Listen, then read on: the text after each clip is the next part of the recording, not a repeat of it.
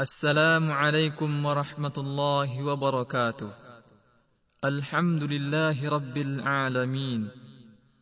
والصلاة والسلام على سيدنا محمد سيد الأولين والآخرين وعلى آله وصحبه ومن اهتدى بهديه إلى يوم الدين. وبعد kaum muslimin kaum muslimat yang dimuliakan oleh Allah Subhanahu wa taala. Pada pertemuan yang lalu telah kita bahas dan jelaskan tentang makna kata fiqih. Kemudian sejarah timbulnya ilmu fiqih, perkembangannya sehingga menjadi sebuah disiplin ilmu yang sangat penting dipelajari dan diketahui oleh setiap kaum muslimin karena ia berkaitan tentang hukum-hukum yang bersifat amaliyah seperti yang telah kita jelaskan pada pertemuan yang lalu. Pada pertemuan sekarang insyaallah akan kita jelaskan secara ringkas makna tentang Islam kemudian makna daripada rukun-rukun Islam. Kaum muslimin yang dimuliakan oleh Allah Subhanahu wa taala. Kita memasuki pembahasan tentang rukun-rukun Islam dan Islam itu sendiri dikarenakan bahawa pembahasan tentang fikih selalu dimulai oleh para ulama kita dengan pembahasan tentang rukun yang kedua dari rukun Islam yaitu salat karena salat berkaitan dengan perbuatan yang sifatnya amaliyah. Adapun makna syahadat dan tentang syahadatain itu sendiri dijelaskan oleh para ulama kita di dalam ilmu tauhid karena dia lebih terfokus kepada ilmu yang sifatnya akidah dan bukan amaliyah zahiriyah. Makanya kitab-kitab fikih kita lihat ketika kita membuka bab pertamanya membahas tentang air, kemudian tentang tohara. Karena untuk memasuki pembahasan tentang solat, tentu ada beberapa hal yang harus dibahas tentang solat. Apa alat yang digunakan untuk bersuci sebelumnya, harus bersuci sebelum solat, syarat-syarat solat, dan lain sebagainya. Setelah itu baru para ulama menjelaskan tentang mana solat, kemudian makna zakat, kemudian makna haji, kemudian makna puasa, kemudian mana haji ke Baitullah. InsyaAllah ta'ala, pada pertemuan sekarang ini, akan kita jelaskan secara ringkas, secara global, tentang makna-makna daripada rukun Islam itu sendiri. Kaum muslimin, kaum muslimat yang dimuliakan oleh Allah subhanahu wa ta'ala. Al-Islam, secara bahasa Arab, seperti yang telah kita jelaskan tadi, bermakna al-istislam wal-inqiyad, yang berarti menyerahkan diri dan tunduk. Itulah makna kata Islam di dalam makna bahasa Arab sendiri. Kemudian setelah datangnya turunnya kitab Allah Al-Quranul Karim kepada Rasulullah sallallahu alaihi wasallam Al-Quranul Karim memuat kata-kata Islam itu sendiri dalam beberapa konteks sehingga Al-Imam Ibnul Jauzi menjelaskan bahawa kata Islam di dalam Al-Quran mempunyai lima makna. Yang pertama beliau jelaskan bahawa Islam itu adalah nama dari sebuah agama. Inilah yang maksud dari firman Allah Subhanahu wa taala. Inna ad-dina 'inda Allahil Islam. Sesungguhnya din agama di sisi Allah Subhanahu wa taala hanyalah Islam. Allah hanya mengakui agama Islam saja sebagai agamanya. Di ayat yang lain Allah mengatakan, "Wa man yabtaghi ghayra al-islam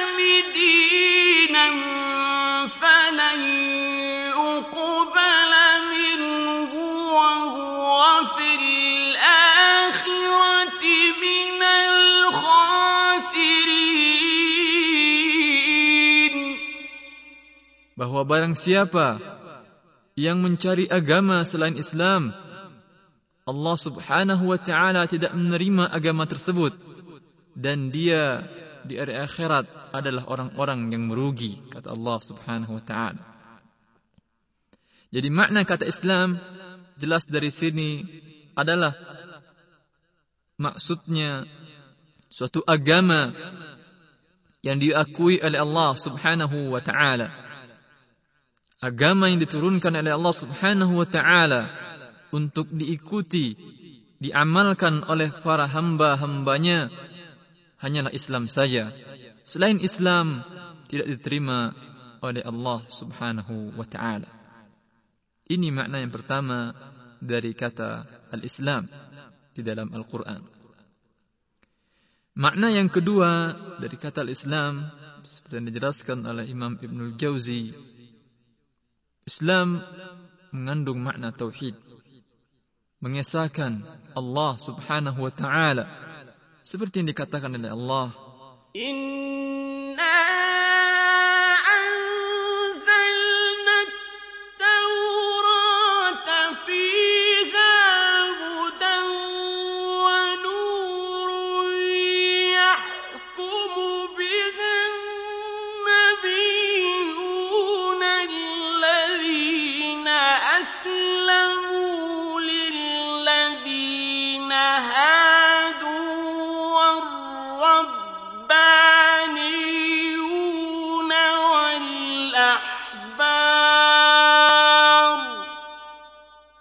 Allah Subhanahu wa taala menurunkan kitab Taurat sebagai pembeda antara yang hak dan yang batil.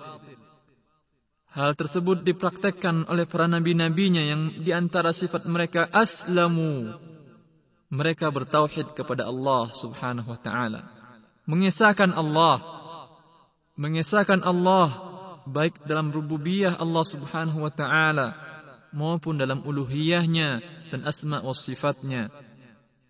Mengesahkan Allah dalam rububiyahnya berarti mengesahkan Allah dalam sifat-sifatnya. Allah subhanahu wa ta'ala mengatur alam semesta. Allah yang menciptakan. Allah yang menghidupkan. Allah yang mematikan. Dan dia yang memberi rezeki kepada seluruh makhluknya. Tidak ada yang lain. Tidak ada zat yang memberi makhluk rezeki kecuali Allah Subhanahu wa taala. Tidak ada zat yang menciptakan alam semesta kecuali Allah Subhanahu wa taala dan begitu seterusnya. Mentauhidkan Allah dalam uluhiyahnya, dalam perbuatan kita, dalam beristi'anah meminta tolong hanya kepada Allah Subhanahu wa taala berdoa dan meminta mengeluhkan kesusahan hidup kita hanya kepada Allah Subhanahu wa taala dan ini bagian dari kata Islam itu sendiri di dalam Al-Qur'anul Karim. Kemudian kaum muslimin dan muslimat yang dimuliakan oleh Allah Subhanahu wa taala. Makna yang ketiga dari kata Islam di dalam Al-Qur'an berarti ikhlasul ibadati lillah. Mengikhlaskan ibadah kepada Allah semata. Ibadahnya hanya untuk Allah semata tidak ada untuk yang lainnya. Tidak untuk makhluk. Dia melakukan ibadah bukan mengharapkan pujian sanjungan dari makhluk tapi hanya mengharapkan redha Allah Subhanahu wa taala. Ini sifat orang yang Islam Sehingga Allah pun memerintahkan kepada nabinya Ibrahim alaihi salam untuk mengikhlaskan ibadahnya hanya kepada Allah. إذ قال له ربه أسلم قال أسلمت لرب العالمين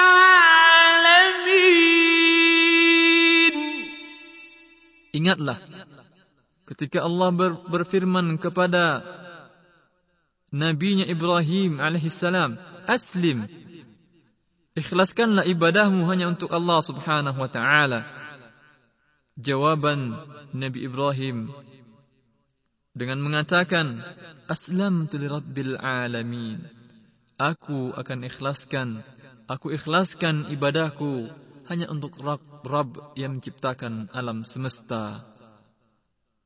Sungguh setelah kita mengetahui Allah Subhanahu wa taala yang menciptakan alam semesta, yang mengatur alam semesta, yang mematikan dan menghidupkan segala yang hidup di atas permukaan bumi ini, maka sepantasnya adalah selayaknya, seharusnya kita beribadah hanya untuknya saja, menghambakan diri hanya kepadanya, jangan menghambakan diri kepada selainnya.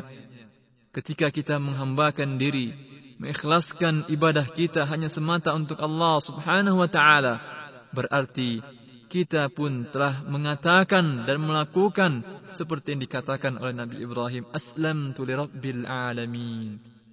Aku mengikhlaskan ibadahku untuk Rabb yang menciptakan alam semesta ini.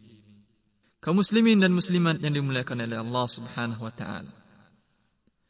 Sesungguhnya nikmat Islam ini nikmat ikhlas beribadah kepada Allah Subhanahu wa taala bukanlah suatu nikmat yang rendah. Tetapi sebaliknya dia adalah nikmat yang besar nikmat yang maha agung yang tidak bisa dicapai kecuali dengan susah dan payah ditambah dengan taufik dan hidayah dari Allah Subhanahu wa taala.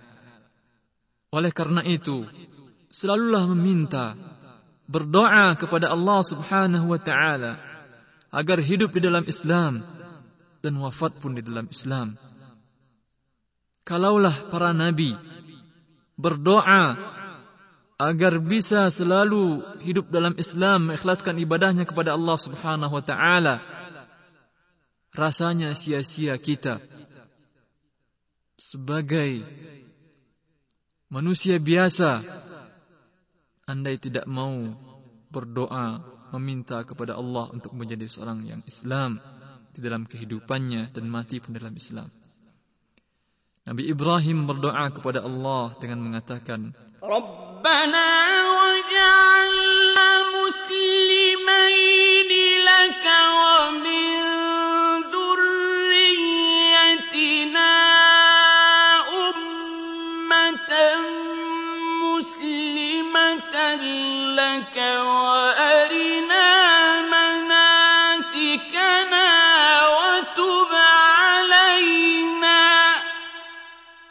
Ya Rabb kami, jadikanlah kami, kata Nabi Ibrahim, muslimaini, dua orang yang muslim, yaitu Ibrahim dan anaknya Ismail, tatkala mereka selesai membangun Ka'bah.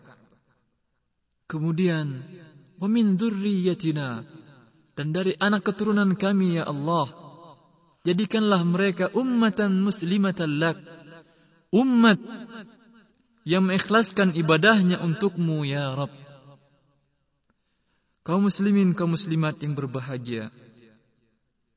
Sungguh indah sekali kalau doa Nabi Ibrahim ini kita dendangkan di saat kita bermunajat kepada Allah Subhanahu wa taala meminta kepada Allah agar kita bisa menempuh jalan Islam, hidup di dalam Islam dan meninggal bertemu dengan Allah pun dalam keadaan Islam. Rabbana waj'alna muslimain lak. Ya Rabb, jadikanlah kami orang yang Islam kepadamu. Selain kami, juga untuk anak cucu kami menjadi umat-umat yang Islam. Sungguh doa ini kaum muslimin, kaum muslimat yang berbahagia akan membuka kebahagiaan bagi kita dunia dan akhirat. Seperti ibunya Abu Hurairah. Kita tahu benar bagaimana dekatnya Abu Hurairah dengan Rasulullah sallallahu alaihi wasallam. Beliau adalah salah seorang khadim pelayan Rasulullah sallallahu alaihi wasallam. Tetapi Abdurrah Abu Hurairah ini memiliki seorang ibu yang belum lagi masuk Islam. Hancur hati Abu Hurairah. Remuk jiwanya. Dikala dia merasakan kebahagiaan, keindahan, kenikmatan di dalam Islam bersama Rasulullah sallallahu alaihi wasallam, bersama sahabat-sahabat Rasulullah yang lain mengikhlaskan ibadah hanya kepada Allah Subhanahu wa taala. Tetapi sesampainya dia di rumah setelah selesai berkhidmah kepada Rasulullah, dia dapati ibunya bukanlah seorang wanita yang muslimah. Maka tak jera-jeranya Abu Hurairah mendakwahi ibunya, mengajak ibunya untuk mengatakan Ashhadu an la ilaha illallah wa ashhadu anna Muhammadar Rasulullah. Tetapi ibunya pun belum mendapatkan hal tersebut. Keesokan harinya Abu Hurairah mendakwahi ibunya lagi agar mau mengikuti syariatnya Muhammad sallallahu alaihi wasallam bersama-sama dengan Abu Hurairah dalam kelezatan, keindahan, kenikmatan al-Islam. Apa yang didapati, ditemui oleh Abu Hurairah sehabis mendakwah ibunya, malah cacian yang dilontarkan oleh ibunya. Sehingga Abu Hurairah datang kepada Rasulullah dalam keadaan menangis. Mengatakan, Ya Rasulullah, sungguh aku bersamamu merasakan indahnya Islam, nikmatnya hidup di dalam Islam, nikmatnya beribadah kepada Allah Subhanahu wa taala. Tetapi sesampainya aku ke rumah aku bertemu ibuku, ternyata ibuku mencela engkau, mencela Islam. Tolong ya Rasulullah. Doakan kepada Allah Subhanahu wa taala agar ibuku diberi hidayah, diberi petunjuk untuk untuk memeluk agama yang mulia ini. Lalu Rasulullah sallallahu alaihi wasallam berdoa kepada Allah agar memberi petunjuknya memberi hidayahnya kepada ibu Abu Hurairah. Setelah itu Abu Hurairah pulang ke rumahnya. Ketika di depan pintu dia mengetuk pintu dia mendengar gerakan kaki ibunya. Ibunya berkata, "Tetaplah engkau di depan pintu dahulu." Lalu kedengaran oleh Abu Hurairah dari luar bahawa ibunya sedang mengambil air. Ternyata ibunya mandi, lalu berwuduk, kemudian memakai kerudung dan membukakan pintu kepada Abu Hurairah. Setelah pintu dibukakan, ibunya berkata, Wahai anakku, sekarang aku bersaksi, Ashadu an la ilaha illallah, wa ashadu anna Muhammadar Rasulullah. Aku bersaksi bahawa tiada ilah yang berhak diibadahi kecuali Allah Subhanahu wa taala dan aku bersaksi bahawa Muhammad itu betul-betul adalah utusan Allah. Gembira sekali Abu Hurairah kaum muslimin kaum muslimat yang berbahagia. Karena berarti di waktu itu sah, di waktu itu dia dan ibunya telah bertemu dalam kenikmatan beribadah kepada Allah Subhanahu wa taala. Karena doa Rasulullah sallallahu alaihi wasallam. Subhanallah kaum muslimin kaum muslimat yang berbahagia. Bahwa doa adalah suatu kunci keberhasilan kesuksesan seseorang. Dan kunci keberhasilan kita menempuh al-Islam ini juga dengan berdoa. Seperti doa Nabi Ibrahim dan doa Rasulullah untuk Abu ibu dari ibu dari Abu Hurairah ini sendiri. Makna selanjutnya dari makna al-Islam adalah al-istislam. Menundukkan diri, menyerahkan jiwa. Seperti yang difirmankan oleh Allah Subhanahu wa taala.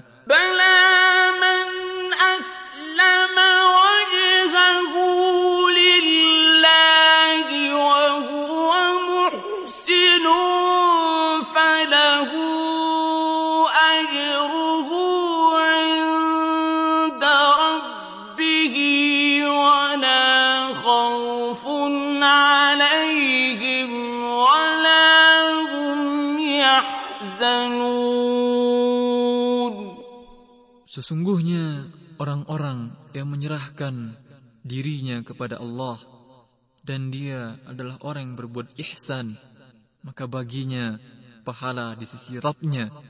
Dia tidak takut menghadapi masa yang akan datang dan juga tidak bersedih dengan hal-hal peristiwa-peristiwa yang telah dilaluinya. Karena ia telah menyerahkan dirinya sebulat-bulatnya kepada Allah Subhanahu wa taala. Beginilah seharusnya seorang muslim kaum, muslim, kaum muslimin kaum muslimat yang berbahagia. Serahkan diri kita sebulat-bulatnya sepasrah-pasrahnya kepada Allah Subhanahu wa taala. Setiap datang perintah Allah untuk melakukan sesuatu, kita mengatakan sami'na wa ta'na. Aku dengar dan ku taati, ku lakukan secepatnya. Datang larangan dari Allah Subhanahu wa taala. Jangan dekati zina. Jangan minum khamar kata Allah. Jangan makan harta riba. Secepatnya kita mengatakan, aku berhenti ya Rabb, aku berhenti ya Rabb. Karena kita tunduk dan patuh. Karena kita Islam. Istislam. Pasrah kepada perintah Allah subhanahu wa ta'ala. Kenapa tidak harus pasrah kita kepada perintah Allah subhanahu wa ta'ala? Sedangkan langit dan bumi yang begitu besar. Makhluk Allah yang begitu maha besar, yang sangat luas. Bumi di tempatnya, di atasnya kita berpijak ini, kita hidup. Begitu luasnya, mereka pun tunduk dan berserah diri kepada Allah. Langit yang kita junjung ini begitu besarnya tunduk dan menyerahkan dirinya kepada Allah. Allah berfirman,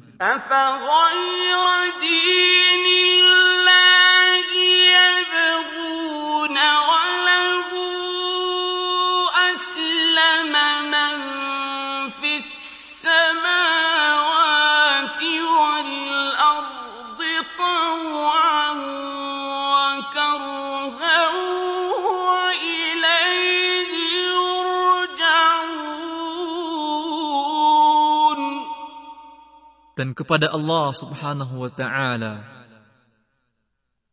Seluruhnya seluruh makhluknya yang berada di langit dan di bumi tunduk kepada Allah Subhanahu wa taala. Tau'an aw karha.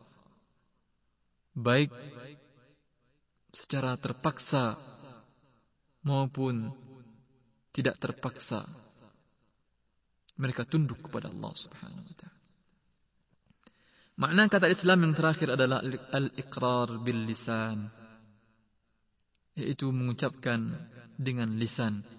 Seperti firman Allah Subhanahu wa taala, "Qalatil a'rabu amanna" Qul lam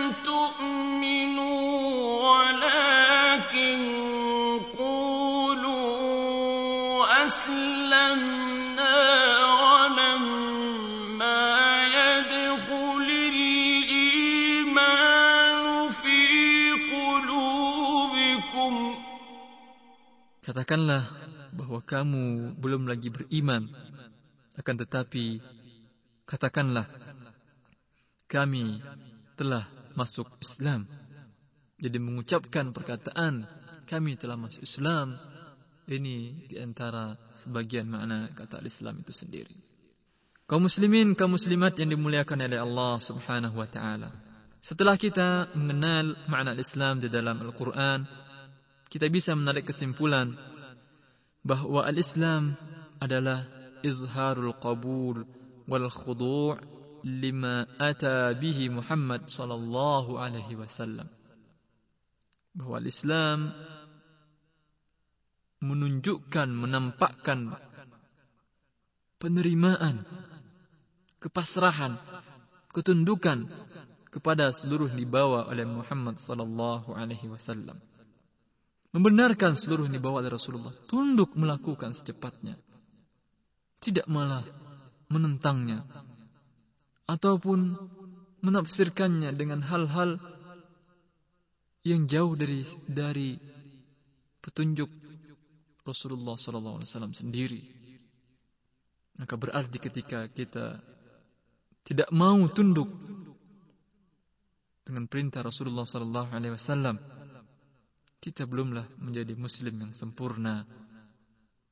Kaum muslimin kaum muslimat yang dimuliakan oleh Allah Subhanahu wa taala. Kemudian Islam sebagai sebuah agama kalau kita ibaratkan sebagai sebuah bangunan tentu bangunan tersebut tidak bisa berdiri dengan tegap dan kokoh tanpa ada pilar-pilar penyangganya.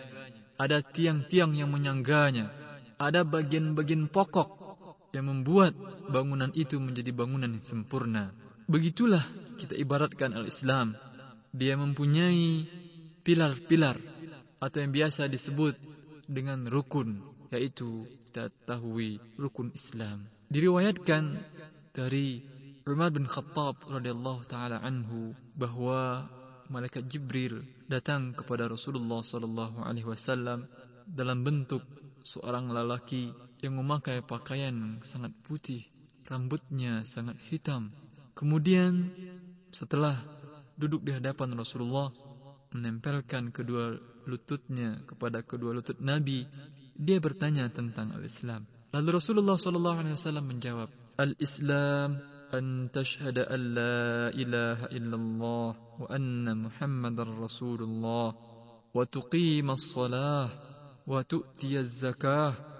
tasuma Ramadan wa tahujja al-baita in istata'ta ilayhi sabila." Hadis ini diriwayatkan oleh Imam Muslim. Rasulullah menjelaskan bahwa Islam adalah engkau bersaksi tiada ilah yang berhak diibadahi kecuali Allah Subhanahu wa taala dan engkau juga bersaksi bahwa Muhammad adalah utusan Allah. Kemudian setelah persaksian ini dia tidak hanya cukup sebagai persaksian, ada konsekuensi selanjutnya. Wa tuqimas shalah. Rasulullah. Dan engkau laksanakan salat, engkau dirikan salat. Wa tu'tiyaz zakah. Dan bila hartamu telah sampai nisabnya telah sampai setahun dan harta tersebut harta yang wajib dizakati maka bayarkan zakat karena itu tuntutan sebagian tuntutan daripada kita bersaksi asyhadu an la ilaha illallah wa anna muhammadar rasulullah. Dan bila masuk bulan Ramadan engkau laksanakan puasa sebulan penuh. Bila diberi rezeki oleh Allah Subhanahu wa taala baik harta benda yang cukup maupun badan yang sehat dan perjalanan menempuh Baitullah Al-Ka'bah Al-Musharrafah bisa ditempuh perjalanan ke sana. Ada rasa aman kendaraan pun cukup ketika itu engkau wajib melakukan ibadah haji. Inilah rukun Islam dijelaskan oleh Rasulullah kepada Jibril. Di dalam hadis yang lain, Rasulullah sallallahu alaihi wasallam bersabda, "Buniyal Islam ala khamsin: anna Muhammadan 'abduhu wa rasuluh, wa iqamis salah, wa ita'iz zakah, wa hajjal bait, wa hajjil bait, wa shaumi Ramadan." Hadis riwayat Bukhari dan Muslim bahwa Islam dibangun di atas empat perkara. Pertama, syahadat bahawa tiada ilah yang berhak diibadahi kecuali Allah dan Muhammad adalah hambanya dan rasulnya. Kemudian melaksanakan ibadah salat, lalu membayar zakat dan melaksanakan ibadah haji dan berpuasa di bulan Ramadan. Jelas bagi kita kaum muslimin kaum muslimat yang dimuliakan oleh Allah Subhanahu wa taala bahwa Islam mempunyai lima pilar. Tetapi Islam bukan hanya lima hal tersebut. Syariat Islam bukan hanya syahadat, bukan hanya salat, bukan hanya zakat, bukan hanya haji, bukan hanya puasa bulan Ramadan. Tetapi lebih banyak sekali. Ada masalah muamalat juga diatur oleh Islam. Masalah kita berjual beli juga diatur oleh Islam kita ingin mengadakan akad transaksi sewa menyewa juga diatur oleh al-Islam. Kita berdagang juga diatur oleh al-Islam. Kita mencari rezeki juga diatur oleh al-Islam. Kita ingin mempunyai keturunan, melakukan nikah juga diatur oleh Islam. Bila mana terjadi pelanggaran-pelanggaran hak asasi, pencurian dan segala macamnya, juga diatur oleh Islam. Banyak syariat-syariat Islam yang lain. Tetapi pokoknya, pilarnya, tiangnya yang paling penting adalah lima hal ini. Syahadat La ilaha illallah tentu dengan mengucapkannya. Pertama, kemudian ada muktadayatnya, ada tuntutan-tuntutannya yang harus kita penuhi. Di antaranya mengikhlaskan dalam syahadatain. Kemudian yakin dengan syahadatain. Mengetahui berilmu dengan syahadatain tersebut. Kemudian al-qabul menerima syahadatain itu. As-sidku benar-benar bersungguh-sungguh dengan syahadatain itu dan jujur. Kemudian al-inqiyad tunduk. Kita benar-benar mengakui Allah hanya ilah yang berhak diibadahi. Kemudian Muhammad benar-benar adalah utusan Allah Subhanahu wa taala. Dan kita tidak melebihkan Muhammad daripada daripada seorang rasul. Tidak sampai dia kepada derajat sebagai Tuhan yang harus kita sembah juga. Kita meminta hajat-hajat kita kepada dia tidak. Dia adalah seorang hamba juga kata Allah. Kemudian melakukan solat. Sungguh solat adalah tiang daripada agama Islam itu sendiri yang harus kita lakukan. Kosong rasanya jiwa kita kalau tidak melakukan solat. Sia-sia hidup kita kalau tidak melakukan solat. Kita tidak punya hubungan khusus dengan Allah Subhanahu Wa Taala bila meninggalkan solat. Solat adalah tempatnya orang-orang yang soleh menghubungkan dirinya kepada Allah sehingga dia merasa kebahagiaan yang luar biasa. Kemudian membayarkan zakat, berhaji ke Baitullah dan berpuasa bulan Ramadan. Inilah gambaran ringkas penjelasan singkat tentang rukun Islam. Insyaallah taala pada bab-babnya akan kita bahas lebih jelas dan lebih mendetail lagi insyaallah taala.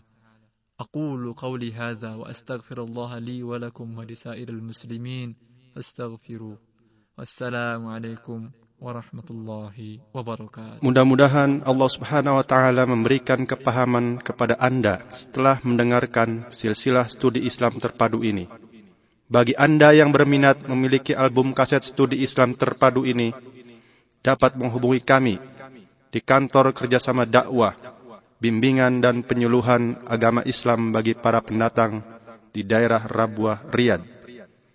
PO Box 29465 Riyadh 11457 Telepon 445 4900 491 6065 Fax 497 0126 Rabwa Jalan Amir Mat'aib Samping Bang Al-Rahji Cabang Rabwa Assalamualaikum warahmatullahi wabarakatuh تم تسجيل هذه المادة في استديو المكتب التعاوني للدعوة وتوعية الجاليات بالربوة في مدينة الرياض